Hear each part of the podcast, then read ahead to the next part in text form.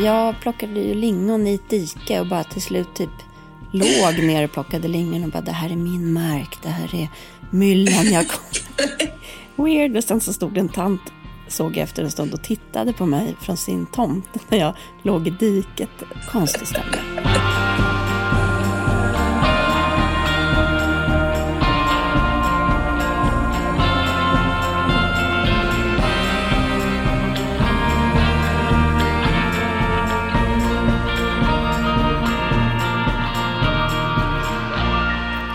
Spelar du in nu? Nu spelar vi in. Ja. Under viss tidspress eftersom Olle är sjuk och ligger i rummet bredvid och sover. Precis.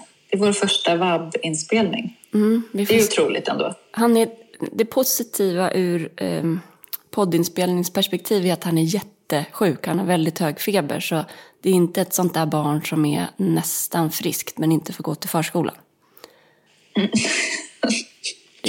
Ja, det låter lovande. Det är ett jät- jättesjukt barn. Gud vad hemskt. Ja, det är faktiskt hemskt. Ja, det är lite jobbigt. Men eh, jag kan inte låta bli... Eh, alltså jag är så pirrig just nu för det händer så mycket grejer. Både för dig och mig.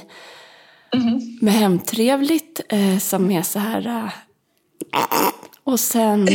Eh, och sen också jobbmässigt för mig privat. Så jag är liksom... Eh, jag gett, vad var det ens vi skulle prata om idag i det här avsnittet? Vi ska ju prata om eh, platser och bostäder som har betytt saker för oss och på vilket sätt. Men först måste ju du faktiskt berätta lite grann om vad som händer i eh, ditt eh, jobbliv kanske. Jo, men jag tror många som följer mig på Instagram eh, såg, och också om man följer Svenskt Tenn såg att företaget förra veckan la ut en jobbannons där man söker en presschef på heltid. Och det här har jag ju vetat om ganska länge. Ehm, Jag började jobba som konsult för dem för typ fyra och ett halvt år sedan. Och det var egentligen min första stora kund när jag startade eget. Så jag har ju aldrig räknat med att jag skulle vara där så länge som, som de här åren. Och det har varit otroligt lärorikt. Superkul, verkligen. Ehm, men det har aldrig varit aktuellt för mig. Jag har aldrig velat bli anställd. Och det är ju en del i varför jag startade eget från början. Men, och innan sommaren när vi pratade om det eh, så var jag liksom väldigt så, trygg i mitt beslut. Eh, att när man sök någon, anställ någon 100% heja er. Och jag har säkert jättemånga kontakter som kommer vara intresserade av den där tjänsten. Men sen nu förra veckan när liksom, den här annonsen gick ut och jag bara, jag vet, alltså det är så många saker som är lösa just nu. Eh, roliga saker men det är liksom inte, eh, eh, alltså, och så är det så här lågkonjunktur och vidrigt. Så då kändes det lite så här, när, bara, gud vad modig det är, gud vad modig det är som inte vill vara anställd.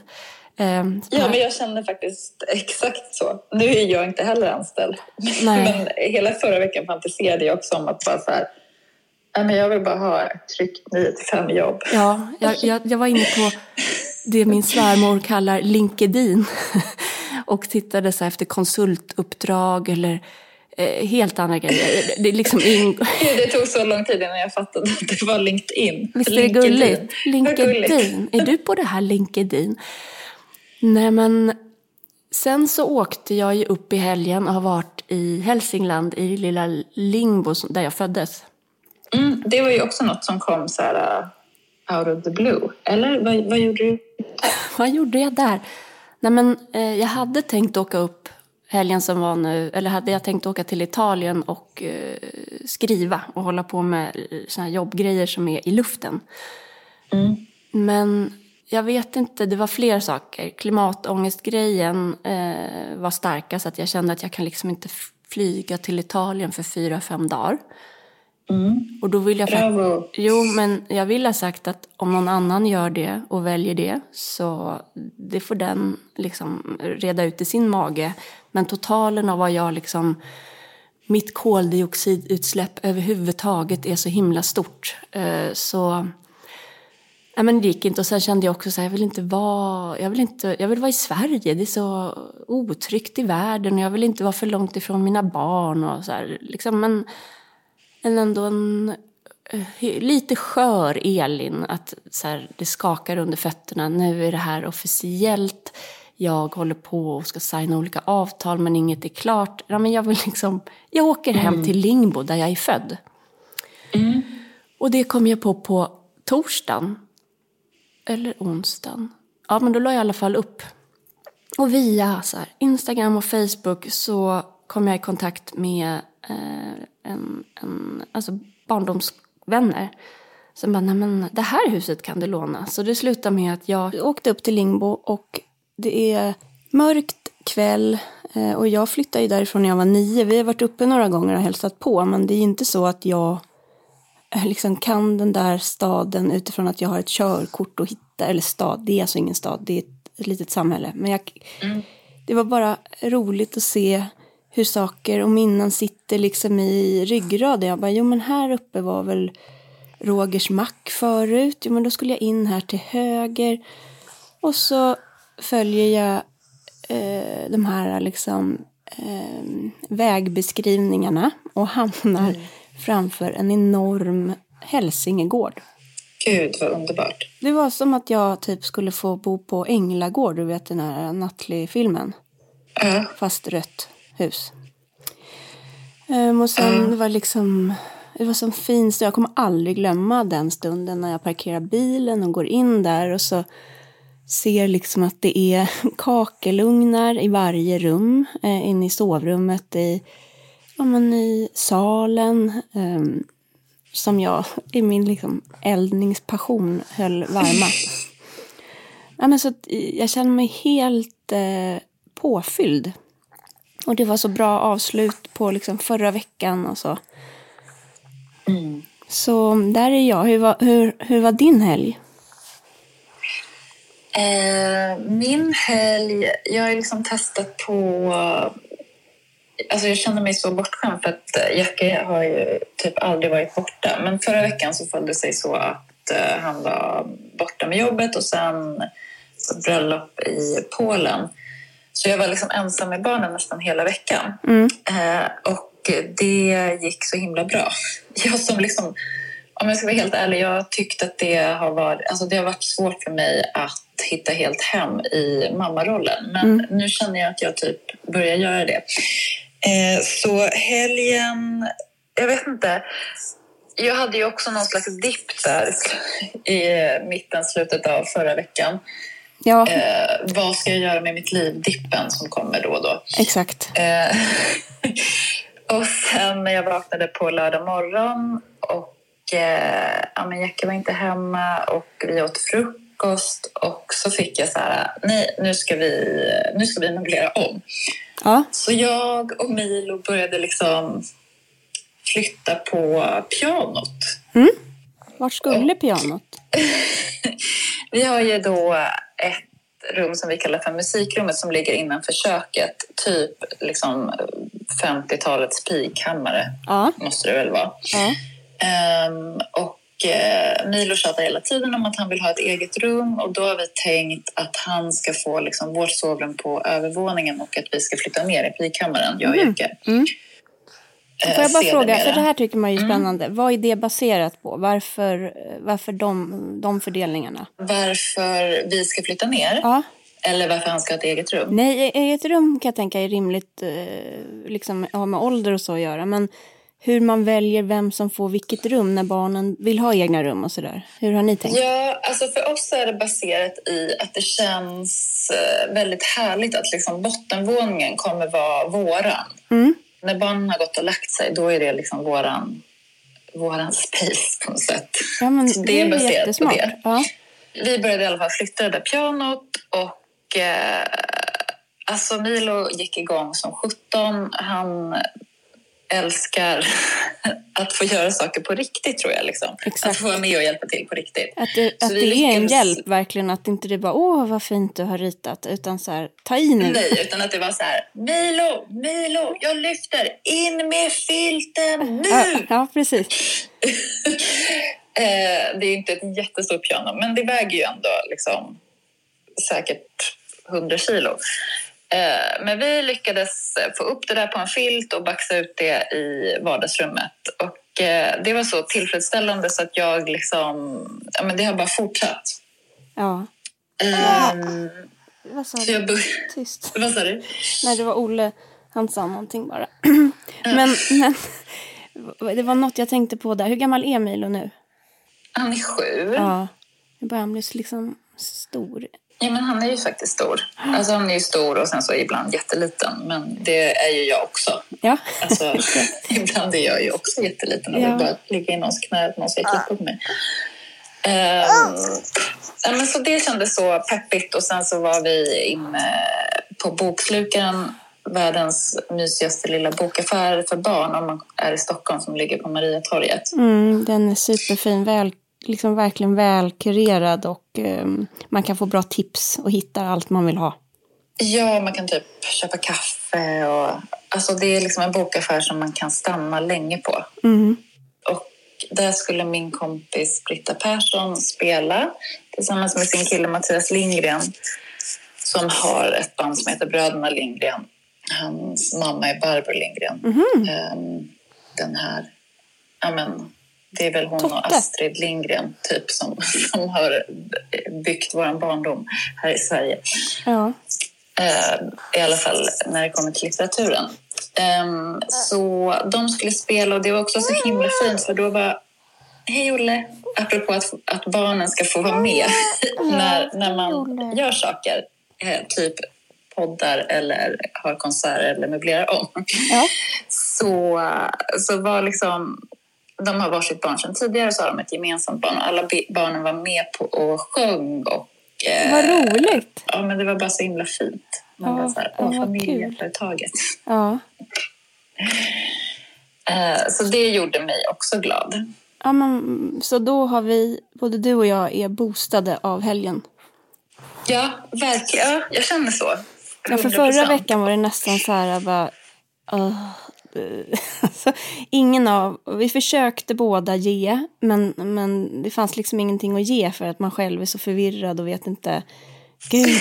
Ja. Verkligen. Men det är skönt med snabba svängar, hörru. Ja, det har vi ju ändå gemensamt.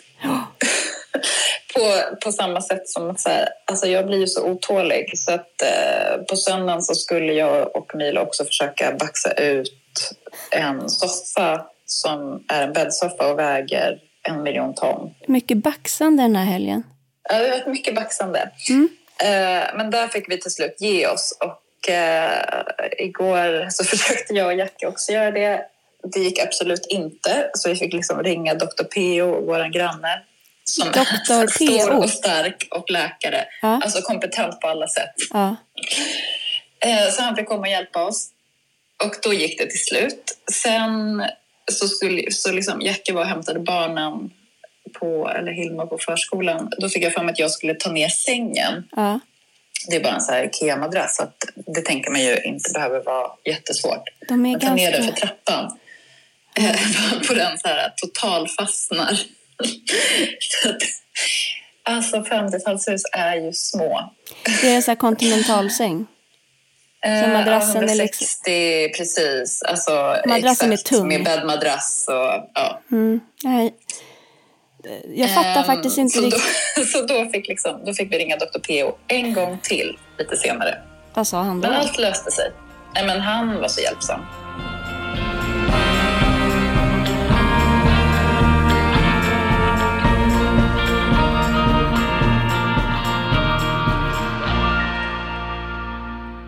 Alltså människor är liksom så hjälpsamma. Det har jag tänkt nu i helgen. Att nej, världen är inte ond och det är inte farligt och mörkt. Både från liksom samtalet med Maria Soxby förra veckans eh, avsnitt. Ja. Ur liksom ett klimatperspektiv och nej, det är inte kört. Men också så här att jag lägger upp på liksom internet hej, kan jag få låna ett hus i Lingbo? Jag betalar såklart. Och eh, bonden Erik Skönning eh, bredvid eh, fixar med nyckeln. Och eh, jag har liksom fått hjälp hela helgen. Jag blev överbjuden på middag på lördagen med så gamla barndomskompisar som inte jag träffat sedan jag var nio år. Ja, men gud. Nej, men alltså, det är så mysigt. Man blir så varm. Alltså, jag blir varm inifrån. Ljuvligt alltså. Och, eh, så, det var också, för jag tror det här med att rö, varför jag rör mig tillbaks till platser jag har bott på. Jag har funderat lite på det och dels eh, har det att göra med att jag, ett skrivprojekt jag håller på med men sen så tänker jag att det har också att göra med att min släkt är så liten för varken mamma eller pappa har några syskon. Så det mm. finns inga kusiner, mormor och morfar har gått bort, farmor och farfar har gått bort. Jag har Maud, alltså liksom släkt från pappas sida kvar i Kalmar som är otroligt värdefull för mig. Men det är mm. några personer. Så att min historia och kontext, den, den känns lite liten liksom bakåt. Mm. Och det tror jag också är en anledning till att jag har så stor familj nu. Att eh, Det är liksom det. den ultimata rikedomen för mig. Alltså, för jag höll också på att fundera på det här med klass och status och jag håller liksom på att hitta min plats här i Saltsjöbaden som man ändå får säga är ett privilegierat område. Så kommer jag upp till Lingbo, Hälsingland där halva byn liksom eh, ser ganska så sunkig och tråkig ut nu för att eh, bank och post och Ica och Konsum, allt har ju flyttat därifrån. Så att mm. eh, bostadspriserna har ju sjunkit och och sen en annan del med, med de här stora hälsingegårdarna som är väl omhändertagna och de som jag tänker på de här som jag umgicks med som har liksom eh, den där lördagen på middagen. Att de har ju mm. släkt som har bott där i generationer och att det är ju liksom det som är rikedom. Det är eh, släkt och familj. Mm. En kontext. Jag tänker, jag tänker också att med tanke på allt som händer i världen som jag var så otroligt drabbad av förra veckan på något sätt. Ibland så får man ju såna här bara käftsmällar av att um, omvärlden tränger sig på. Liksom. Ja. Alltså ibland så kan man ju upprätthålla någon slags um, skydd. Inte i att man inte tar in att det händer men att man inte kanske känslomässigt blir lika drabbad. Men det skyddet liksom försvann för mig förra veckan för det var så mycket och det är liksom så dubbelt den här eventuella revolutionen i Iran som är jättestark och jättesorglig på samma sätt i att liksom, de här kvinnorna mördas på löpande band mm. men samtidigt de här skolflickorna som bara liksom pekar finger åt uh, hela uh, den här förtryckande statsapparaten och så här, Putin och kärnvapen. Alltså det är liksom då tänker jag också att eh, just de här mänskliga relationerna och så blir så himla... Det blir så påtagligt vad värdefulla de är. Verkligen. Verkligen. Så, eh, och det är härligt. Jag känner mig mycket mer rustad nu för eventuella eh, liksom, världsliga kriser som kan komma den här veckan. Vad härligt. Ja. Det är jättebra. Men en grej, eh, och du får välja om du vill prata om det eller inte, men jag tror att fler nämligen kan känna igen sig Det var när du sa att det tog ett tag för mig att hitta hem i mammarollen.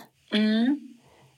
Finns det något du kan berätta om det som inte känns liksom för utelämnande eller för känsligt för dig? Och skulle det vara så Jonas, då klipper vi bort det.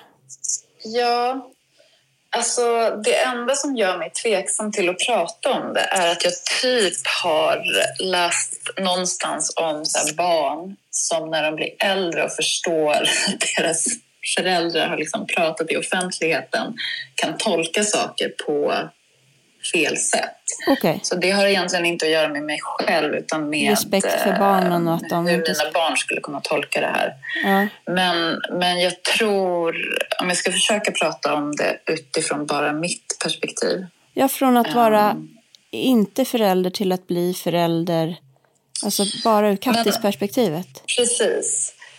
Alltså jag har aldrig haft någon jättelängtan efter barn. Då är ju liksom totala motsatsen till dig som jag har uppfattat det. Mm. Utan jag tror att jag eh, har jag har mer varit rädd. Jag har liksom både varit rädd för kärleksrelationer och sådär. Varit jätterädd för att bli avvisad och sårad och så. Så det har säkert påverkat det. Mm. Och jag vet att jag så ganska tidigt fantiserade om att jag skulle så bo i en våning vid Seine och bara ha massa katter och skriva böcker och typ unga älskare. När jag I form av gammal. träd. Vad sa du? I form av träd. Den som lyssnat på våra första avsnitt vet att när vi håller på att lära, lära känna varandra där så blir det ett missförstånd där jag tror att du eventuellt har sexuell känslor för träd. Men det, Alltså, det, jag har sett en do- en dokumentär på Kanal 5 typ, om att det finns människor som har det. Ja. Men jag är faktiskt inte en av dem. Nej. Däremot så, så talar träd väldigt starkt till mig själsligen. mm, Så 100 procent att det fanns ett jättestort grönt träd utanför mitt fönster där i Paris i min framtidsvision. Men samtidigt parallellt med det så är jag liksom uppväxt i en kärnfamilj eh, där det på något sätt var självklart att jag skulle få barn som min mamma hade fått. Så jag vet att jag alltid har tänkt så här, när jag är 32 ska jag få barn. Liksom. Mm. Och sen så... 32 just. Den, ja, 32. Jag vet inte varför, men det var någon sån ålder. Var din mamma 32? Tillräckligt långt borta. Mamma var 30. Mm. Hon var liksom inte någon jätteung mamma.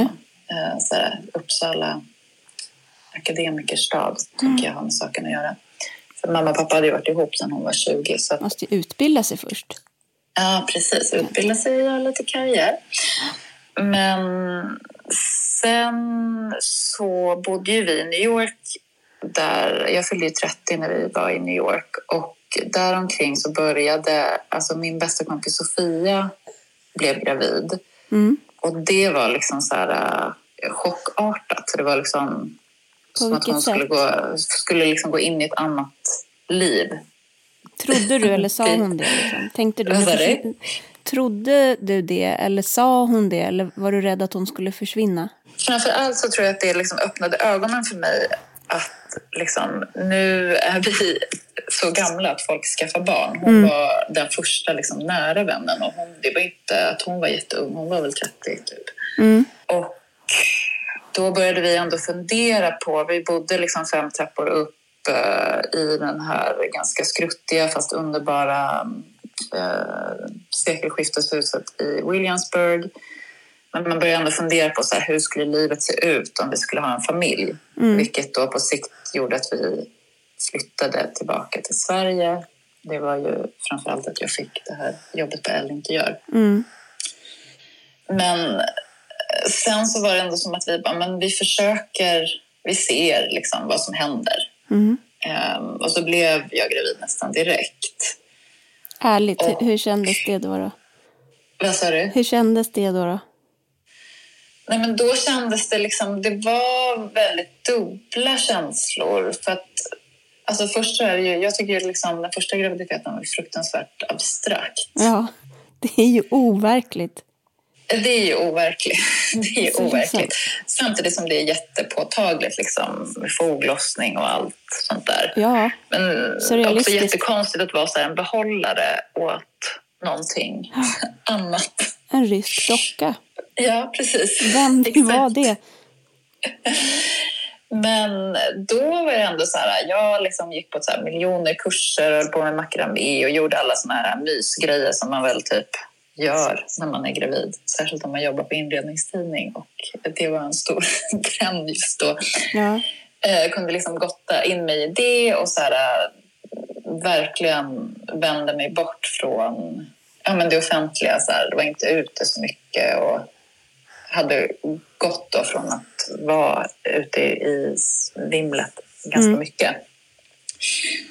Och sen när Milo kom så var det liksom... Alltså allt är ju så nytt. Jag vet inte hur jag ska beskriva det, men, men om jag ska försöka sammanfatta min då, de här dubbla känslorna till det så var det liksom också som att jag upplevde att bli förälder var att också bli av med sig själv, alltså en del av sig själv. Mm. Som det tog väldigt lång tid för mig att sluta sakna, mm. Jag, för- vet helt du, enkelt.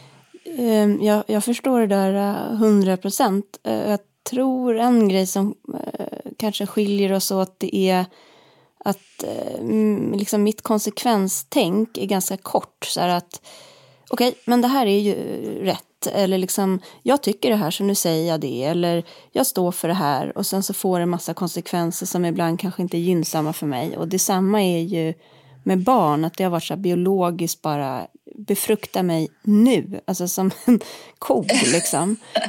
um, och där jag sen, nej men, jo men eh, det är bara så konkret eh, hur, jag, hur det verkar vara liksom. Men mm. där jag sen blir typ inte, ja men nästan chockad över vad, men gud, jag får liksom inte plats som människa. Medan du då, tänker jag, när jag hör dig berätta, tänkte på det innan.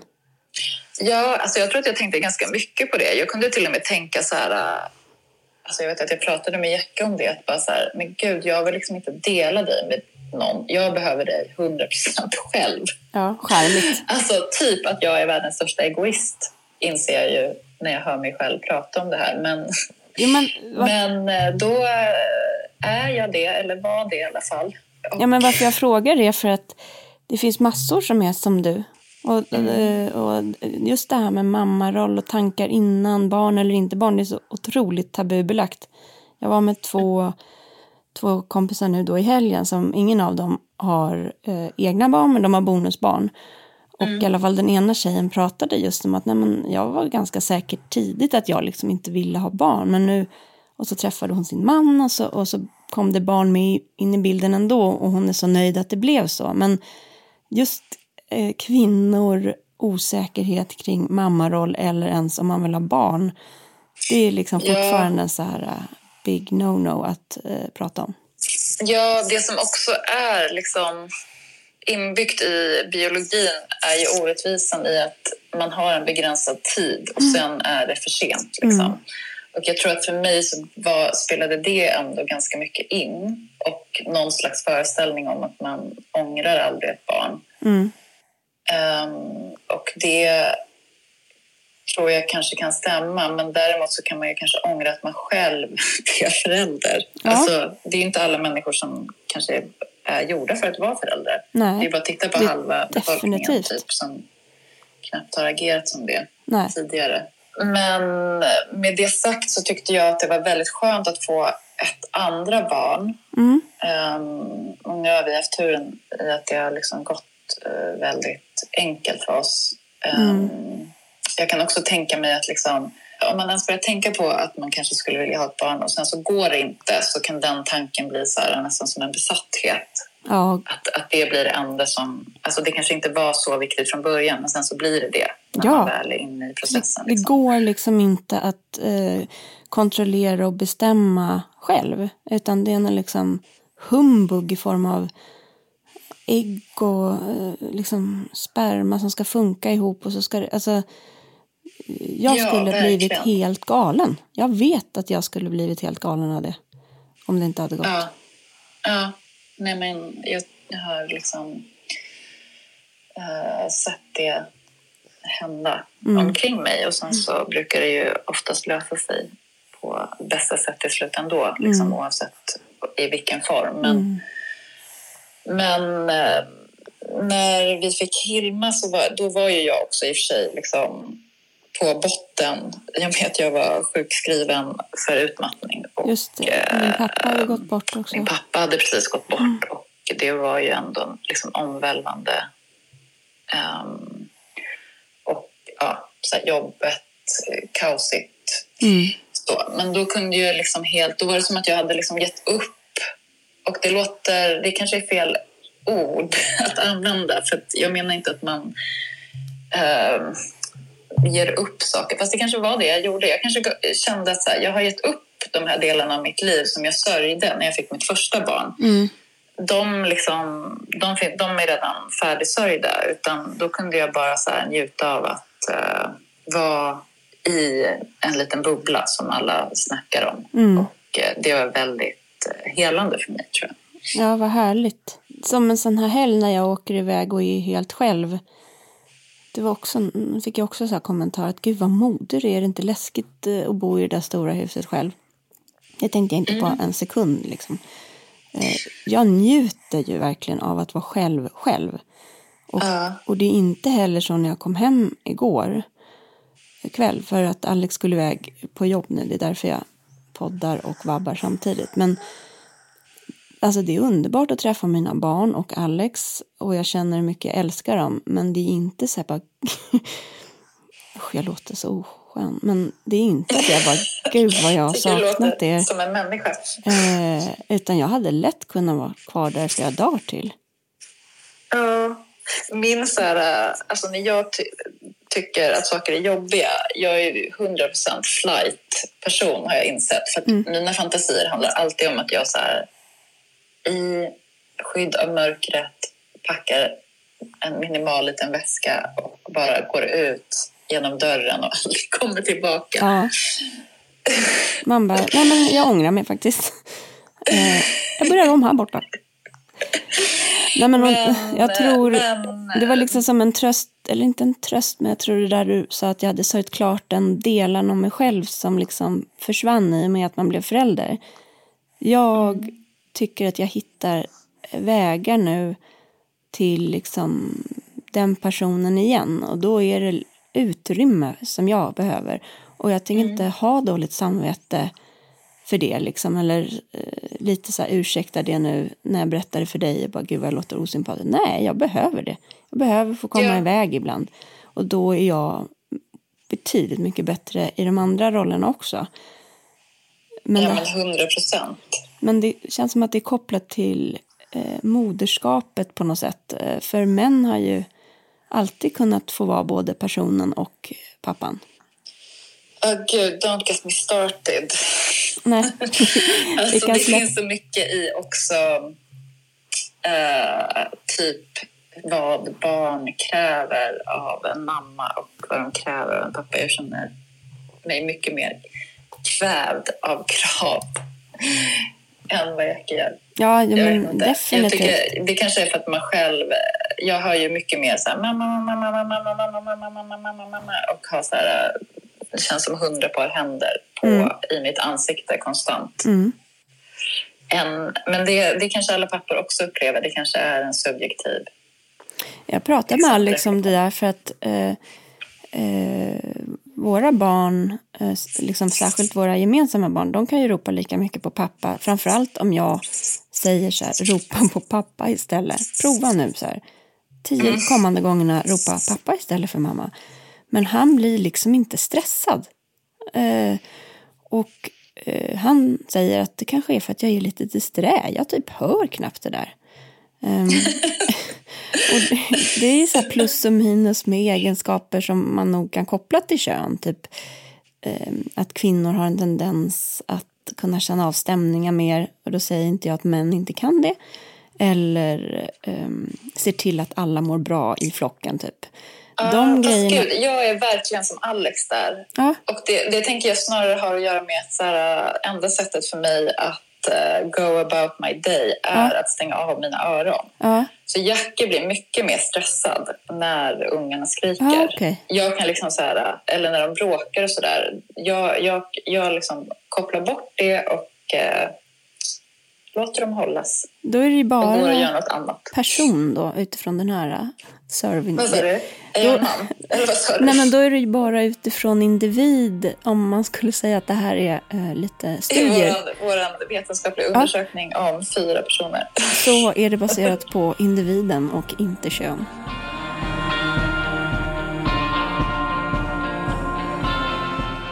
Skulle du kunna ge några råd till Kattis snart 30, kompisarna får barn och hon bara oh Finns det något nu som du säger, tänk så här. Ja, jag kanske var, jag var förberedd på mina rädslor men jag var oförberedd på att få ett barn ändå. Ja. Liksom. Förstår du vad jag menar? Eh, Jag och Jackie var så här, jag kommer ihåg att vi var på någon sån här föräldraträff på SÖS och alla skulle prata om typ så här, hur tror ni att det blir när ni blir föräldrar? Också så Och vi himla... bara, men gud, vi kommer bara fortsätta livet som det är. Barnet vill väl bara hänga på, bla bla bla. Eh, det är ju jättefint, alla de som lyckas med det. Eller Det alltså, finns ju alltid exempel på det. jag Men- upplevde inte ens att, man vill, att jag ville det riktigt. Nej, precis. Det kanske också är det. Att, eh, jo, jag tror verkligen att jag hade det som ambition. Och vi, absolut att så här, jag har stått liksom, vid någon bardisk och tagit en drink med Milo i sele. Och, Jag är så fri så att det är nästan som vanligt bara att det är en bebis som kräks på mig när jag dricker drinken. Ja, ungefär så. Men sen så fattar man ju till exempel inte hur fruktansvärt det är att inte få sova. Jag har ju liksom brottats med sömnproblem. När jag tänker efter tror jag liksom tillbaka till lågstadiet i Ja. princip. Och det förbereder en, i alla fall inte mig, ändå på hur det är. Jag måste bara vara- fråga, är det här ditt peptalk nu till den unga Kattis då? Jag vet inte. Så här. Är det jag tror att det är realismen du vill ge? mycket- Jag, jag tror att det är... För jag känner inte att man liksom så här, ja det där kör vi på. barn. Kattis, du gjorde ett misstag. Ja, Och sen gjorde du ett till. ja. Nej men så som jag hörde när du pratar om dina barn så är ju du liksom, det är ju ditt allt.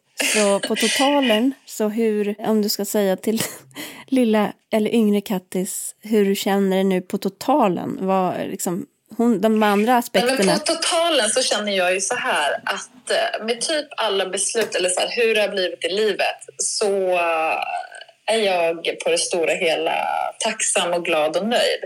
Men jag tror att jag också hade haft ett jättebra liv utan barn om jag ska vara helt ärlig. Det hade ju sett helt annorlunda ut. Och jag, det är möjligt att jag hade gått runt med en liksom, undran, en större undran om hur det hade varit än jag gör idag. Eftersom det är liksom så här, åh, återkalleligt. Nu när barnen, alltså Hilma är ju snart fyra så jag börjar ju också precis som du beskriver känna så här, att jag mer och mer kan ta tillbaka det här som jag trodde att jag hade gett upp. Mm. Så äh, vänta bara till 50. Då Nej men är jag tänker också, eh, de, den som lyssnar som är i valet och kvalet, att det där är ju trösterikt. Att det är inte så att gud vilken tur att jag fick barn för jag hade liksom det här är, men, det är bara det här sättet som man kan vara lycklig på. Utan det finns flera sätt, även utan barn. Jag tror verkligen det. Och jag tror, alltså för mig så hade det 100% hjälpt det.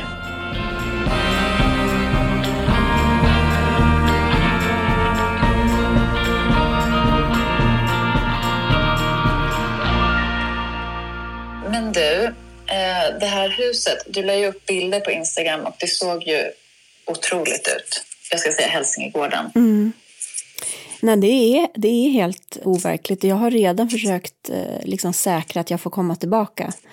Och eh, jag känner inte att jag vill bo där uppe, jag vill inte äga någonting, men att det finns igen en plats som jag är välkommen tillbaka till eh, i den här byn där jag föddes är liksom fantastiskt. Ehm, Eh, alla eh, liksom län och sådär har ju sin ol- olika karaktärer. Jag tänker på Dalarna och där Alex har sin släkt och där vi är mycket. Men det är något med Hälsingland. Jag tror att, att man just med Lingbo kan passera en del av det och tänka så här, oj, här vill man tänka att folk bor här, vad deppigt. Medan åker du en annan väg så bara, åh vad vackert och de här björkarna och den höga luften och det är liksom till exempel så här blånande berg. Alltså det, det är böljande landskap därför att det är på väg, det kallas typ Norrlandsporten. För det är precis Ja. det sydligaste av att Norrland eventuellt och kanske börjar efter det. Jag vet inte, det där strider man kanske om. Men Vi, de, vi delar ju liksom just den här kärleken till Hälsinglands landskap. För att vi spenderade ju, min pappa kommer från Hälsingland, mm, från Bergsjö och eh, farmor bodde i ett litet ställe som heter Sanna utanför Hudik. Mm. Och så hade vi vårt sommarhus vid norra delen. mm, Och det är någonting med liksom, där man har spenderat sin barndom. Jag kan känna att det där böljande landskapet, det är som att det, det går en rak linje från det in i mitt innersta. Att jag kan liksom känna jag kan känna det i mig. Det finns liksom ingraverat i min själ på något sätt.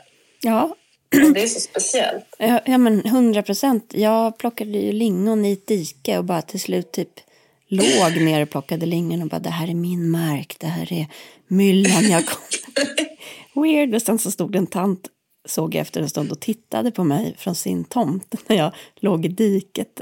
Alltså, konstig stämning. Men hur som helst, jag njöt. Men... Bara stockholmaren. Ja. Alltså gud. Märta, jättehärlig kvinna var det. Vi pratade. Men, ja. nej, men det där böljande, tvärtom hur du beskriver det, eller jag vet inte om det är så du menar, men jag slogs av det nu. Därför att när jag var nio år och stod mm. som jag gjorde nu uppe vid kyrkan eller gick ner till kyrkbadet, då såg ju jag bara bryggan och vattnet där jag lärde mig simma. Liksom. Jag lyfte inte blicken så att jag såg det där böljande landskapet, för det tänkte jag på nu. Jag bara, men det är typ lite fjäll här. Men det ja, känns hemma. Jag tänker att det kanske är att vi, så här, vi åkte ju alltid bil dit. Så då åker man bil genom Hälsingland. Liksom. Ja. Och då känns det väldigt böljande. Ja, för att Lingbo kommer ju precis i gränsen mellan Gästrikland, Gästrikland mm. och Hälsingland. Men om jag skulle beskriva landskapet kring um, så Berthåga i, utanför Uppsala där jag växte upp. Mm. Då, du vet, då är det ju så här, man bara, ja men stenmuren kring kyrkogården. Mm. Grusvägen med hål i. Precis. Fotbollsplanen. Jag var sen nostalgisk och åkte upp till en sten som låg bakom vårt hus där vi mm. bodde då. För att där minns jag att vi hoppade så här, som i Ronja och Birk, du vet, med djävulskapet mm. däremellan. Oh, Gud. Så jag fotade det, det kan jag lägga upp. Det finns nämligen kvar. ja, det måste du göra. Ja. Men, men huset då? Huset. Såg du ditt uppväxthus? Ja, det är tyvärr... Ja, jag tror inte... Om du som bor där nu lyssnar på podden så vill jag säga så här. Ta hand om huset lite bättre. För det, det behöver mer kärlek.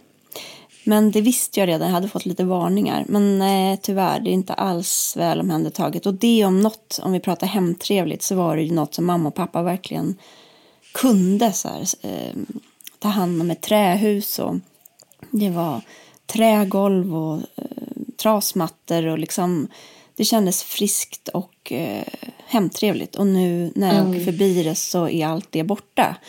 Men Eh, det var inte sån stor chock för jag visste liksom redan om det utan jag, det var mer som en eh, rikedom att jag fått en plats igen i Lingbo. Att, att jag sov i den där byn flera nätter.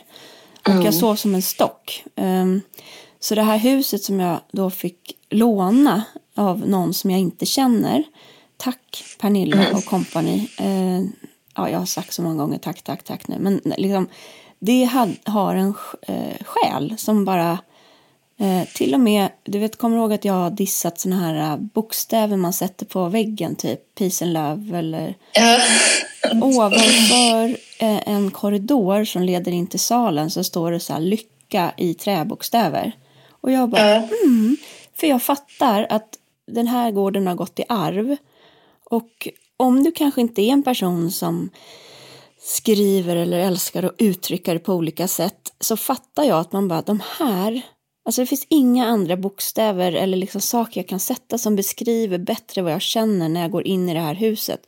Det är helt rimligt att det står de där bokstäverna över eh, korridoren. Ja, det var fint. Ja, och sen, eh, nej men du vet det bara luktar gott om ett gammalt hus. Allting finns, eh, brickor i olika storlekar. Också härligt att gå i någon annans skåp och se vad som sjuk ordning och reda. Det var som att jag som alltid lägger tillbaka brända tändstickor i tändsticks, tändsticksasken. Bara, nej, det får ju, nej, det får jag inte göra. Det ska liksom inte... Oj, oj, oj, förlåt gubben, drömmer du mardröm? Nej, men jag tänkte att jag fick eh, skärpa ihop mig lite så att, jag, att det inte blev rörigt. Det skulle inte märkas att jag hade varit där liksom. Mm. Nej, men jag eh, har ju också liksom haft lite så cringe-känsla kring det. Mm. På Hilmas förskola så har de så himla fint en liten lapp i så barnens ögonhöjd när man går in genom dörren där det står så här, du är viktig. Mm. Och jag blir så glad varje gång jag läser det. Mm. Eh, och sen så sparade jag i, på Instagram en väggbonad som jag tyckte också var så fin från ett konto som heter Flickan och tanten. Mm. Gud giv för varje dag vårt bröd, ej fattigdom, ej överflöd. Mm. För jag tyckte det var så, apropå vad vi pratade om i förra veckan med Maria Soxbo. Precis. Och på ett sätt kan man ju säga, för sådana där bonader med Eh, med visdomsord har ju funnits eh, hundra år tillbaks liksom. Och att de här uh, lycka och kärlek och du är viktig och du är betydelsefull. Att det mm. är en form av påminnelse om det där som du och jag då kan tycka, åh, mm, det känns skaver lite, vad töntigt, till att man som jag nu tycker det är helt rimligt att det står det där. För jag, jag, jag kan se den här släkten, det, hon berättar om sina barn som har vuxit upp där och varit där varje sommar. Mm. Ja, wow vilken lycka att ha, den där, att ha tillträde till den där platsen. Ja, verkligen. Har du några andra sådana platser? Nej, alltså egna? Alltså, jag tror att det är en del av varför att åka upp tillbaka så där till Hälsingland eh, var, kändes som bra timing nu. Därför att mina föräldrar har ju flyttat en del och nu har de flyttat igen så nu bor de i en lägenhet eh, bredvid oss. Och innan har ju mm. deras hus varit en sån där plats eh, där jag var tonåring eh, som jag kommer tillbaka till och ser liksom eh, magi på något sätt. Jag känner så i Italien, varje gång jag kommer till Italien så är det så här, hur kan jag inte vilja vara här jämt? Och tack och mm. lov att jag inte kommer ihåg det. För annars hade det ju varit världens jobbigaste konflikt i mig om jag ville vara på två ställen hela tiden. För att så känner jag ju här där jag är nu också. I vårt ja, hem. Så har du sådana har du såna där platser?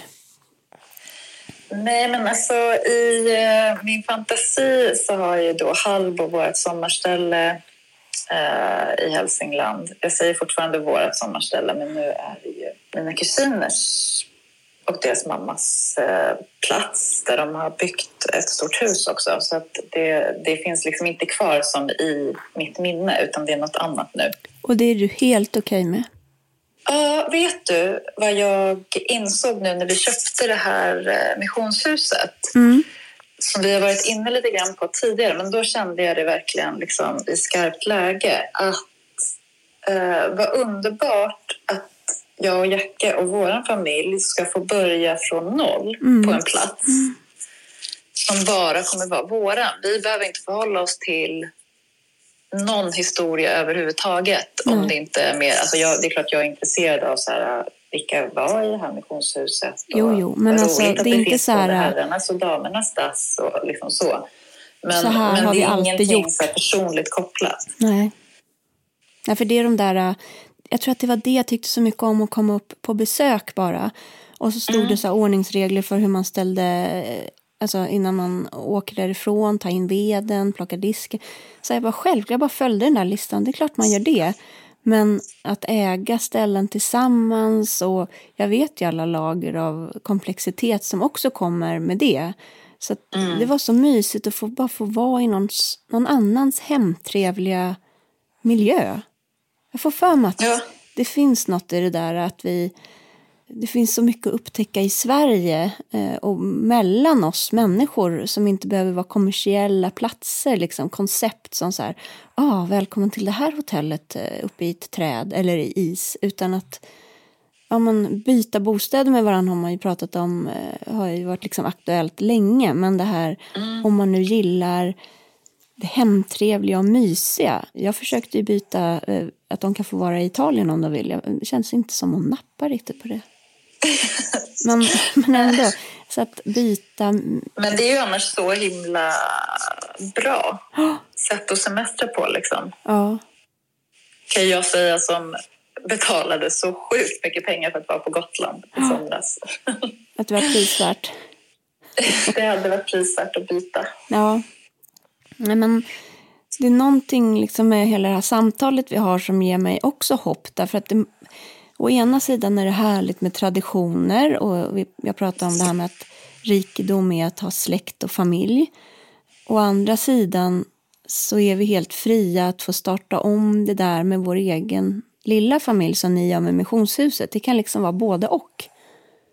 Ja, det måste precis. inte vara det ena eller det andra. För det tänkte jag på när jag åkte hem igår från Lingbo. Att eh, jag var ju så förtvivlad när vi flyttade och jag var nio år. Vi flyttade liksom på skolavslutningen så jag fick, vi sjöng Den blomstertiden kommer, tog ut, eller gick ut utanför kyrkan, tog bild på hela klassen. Det var ju så här ett, mm. tre typ, för det var ju liksom tre barn som var födda 82. Ja. Och sen, ja, och sen bara, hej Ja, då, nu flyttar jag. Och då är det ju när man är i den där åldern, om man flyttar 20 mil. Cykla?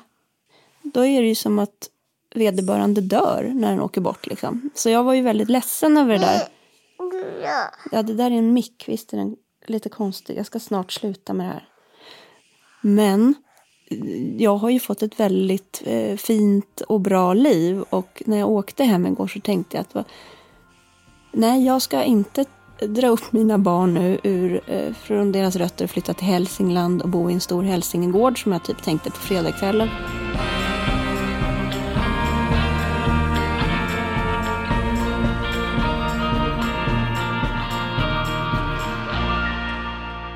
När vi pratar om liksom skriv-Elin så tänker jag också på den här uh, Insta-storyn som du la upp i veckan om kanin-Elin och hur vi alla har de här olika personerna i oss. Kan du inte berätta lite om kanin-Elin? Tyckte du det var roligt? Jag tyckte det var roligt. Nej, men jag fick liksom syn på mig själv en kväll när jag skulle ut och mata kaninerna. Och tänkte, vem är du? Alltså för om någon hade sagt om någon hade sagt till mig för ja, men, kanske ett år sedan bara, eller ja, men då var jag kanske inne i den här djurpsykosen, men för inte så länge sedan att vet du vad, du kommer ha sex kaniner som du bryr dig mer om än dina barn. Eh, Crazy kanin-lady liksom. Ja, och du kommer tycka om att gå ut på kvällen till dem och sitta där bara under lyktorna och se hur de äter och kommunicera med varandra. Då, Men kan du bara säga, förlåt vi måste stanna kvar där under lyktorna i mörkret. Vad är det du känner? jag tror definitivt det här är en del av att få vara i fred. Ehm, att jag måste ut och mata djuren. Men sen är det eh, lilla Elin. Jag, det var ju bara när jag åkte där i Lingbo så bara, just det här bodde ju Caroline, vad hon nu hette. Där, fick vi, där hyrde vi mina första kaniner. Alltså jag har ju haft så mycket kaniner och jag har liksom aldrig tänkt på det som ett eh, djur riktigt utan som ett substitut för riktiga djur. Ja. Eh, men, och kaniner är ganska tråkiga djur också. Men, men jag kan inte... Det är något. Alltså, det är något med att de är i flock och de är snälla och mjuka. Och när jag sitter där och de äter ur min hand och jag ser till att de har det torrt i buren. Och det är något med hö och halm och så här att utfodra som tillfredsställer något i mig. Jag kan liksom inte beskriva det. Det är jätte eh, otippat. Eh, men jag, jag är en sån som har sex kaniner. Gud. Jag trodde det skulle komma någonting annat där. Sex med kaniner? Nej, Nej, usch. fy sluta. Du ska alltid dra det så långt. Nej. Mer typ sex om en kanin eller what do I know. Det har du ju också. Jag, jag är fruktsam som en kanin. Det är jag nog. Men i övrigt få likheter på den fronten. Alltså på ett sätt så låter det ju som att det kanske inte är så otippat med tanke då på att eh, lilla Elin finns där inne någonstans Mm. och vill komma ut. Ja, men och det är det som är härligt med att bli stor och vuxen. Det är att man liksom kan få göra flera av de där grejerna som när, när man var liten var man tvungen att be om lov. Så här, kan jag få ha en kanin? Eller Alex och jag pratar ju en del om det här. Eh, därför att det dyker upp olika djur och han vill inte alls ha lika många djur som jag eh, vill. I allt annat så respekterar vi varandra 100 procent. Men av någon anledning anser jag att när det gäller liksom djur som jag själv tar hand om så har han inte så mycket att säga till om. Eh, Mm. det, de där är ju dessutom utomhus. Det är inte att det är så här djur inne som... Det är det ju. Men de... Alltså, nu ska jag, eh, just kanin, ka- mängd kanin, det kan jag inte riktigt så här, känna att jag måste fråga någon annan om hur många kaniner jag får ha. Du tänker på de där nya dvärg... Vad heter De de? är inte dvärg, utan de är vädurskaniner. Väderskaniner. Just det, de är liksom enorma. Ja, de är jätte, jättestora och de har jättelånga öron och de är mycket mer tama än de andra kaninerna. Och jag skulle också säga att de här väderskaninerna är mycket mer on-brand för mig än de där fjantiga tufsraskaninerna som vi bara, vi bara fick av farten. Så att jag vet inte, men jag, jag har inte samma sug efter fler djur just nu. Alltså Nej, den här veckan. jag vet inte om det vad det säger om ditt psykiska tillstånd. Om det är bra eller dåligt. Det, det är bra alltid. Men- så, fort jag, så fort jag vill ha djur och badar mycket badkar, då, då är jag skör. Okej. Ja.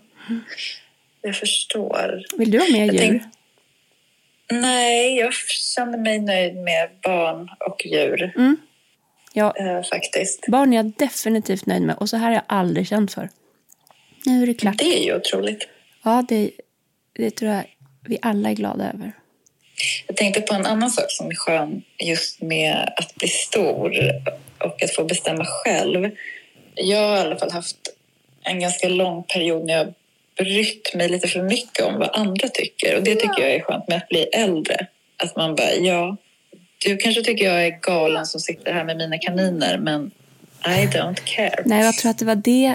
Det, var- det var ju exakt det jag kände när jag la upp den här kanin-story-grejen. Att så här, jag tror att jag kanske alltid kommer ha en, en röst i mig som mm, vill att alla... Det vore härligast om alla bara gillade mig. Men uppenbarligen så tycker jag att det är mer viktigt att eh, få stå upp för vad jag tycker och, och vem jag vill vara än att det ska plisa alla. Och det vill jag liksom peppa fler till. Alla Ja, behöver inte gilla verkligen. en. Eh, strunta i dem. Vilka är de där andra egentligen? Det är bara på grejer i huvudet. Det är hundra procent på. Ja. 100 procent på. Men en till sak då som jag tycker verkligen hjälper. Mm. Eh, det var, alltså jag fick så mycket energi av att möblera om. Det är en riktig supermetod. det. ja, men det, Det är det. Jag raljerar inte. Det är att möblera om. Det är liksom... Ja. Därför att det blir som att du möblerar om inuti dig själv så att saker kommer på ordning även där utan att du behöver tänka så mycket. Ja, det är verkligen något väldigt sant i det. Ja. Ehm, så eh, det rekommenderar jag fler att göra. Ja. Sluta lyssna på andra och möblera om. Ja, verkligen. Och våga. Eh, och, och, vara, jag tror eh, att vara runt folk som vågar saker som har liksom kommit lite längre eller är lite modigare än en själv. Det tycker jag är bra.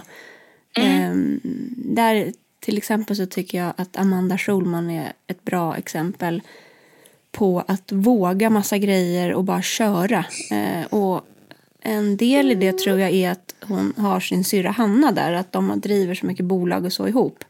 Och det, Ja, det. är något positivt med dig, att eh, vi gör det här hemtrevligt tillsammans och, och kommer utveckla det vidare tillsammans. Att, ja, men att ha någon som säger, jo men det går bra, eller, eller kanske deppar ihop med en samtidigt. Men att identifiera människor i sin omgivning som är modigare än en själv och så, så tittar man ditåt lite då och då när det känns pirrigt.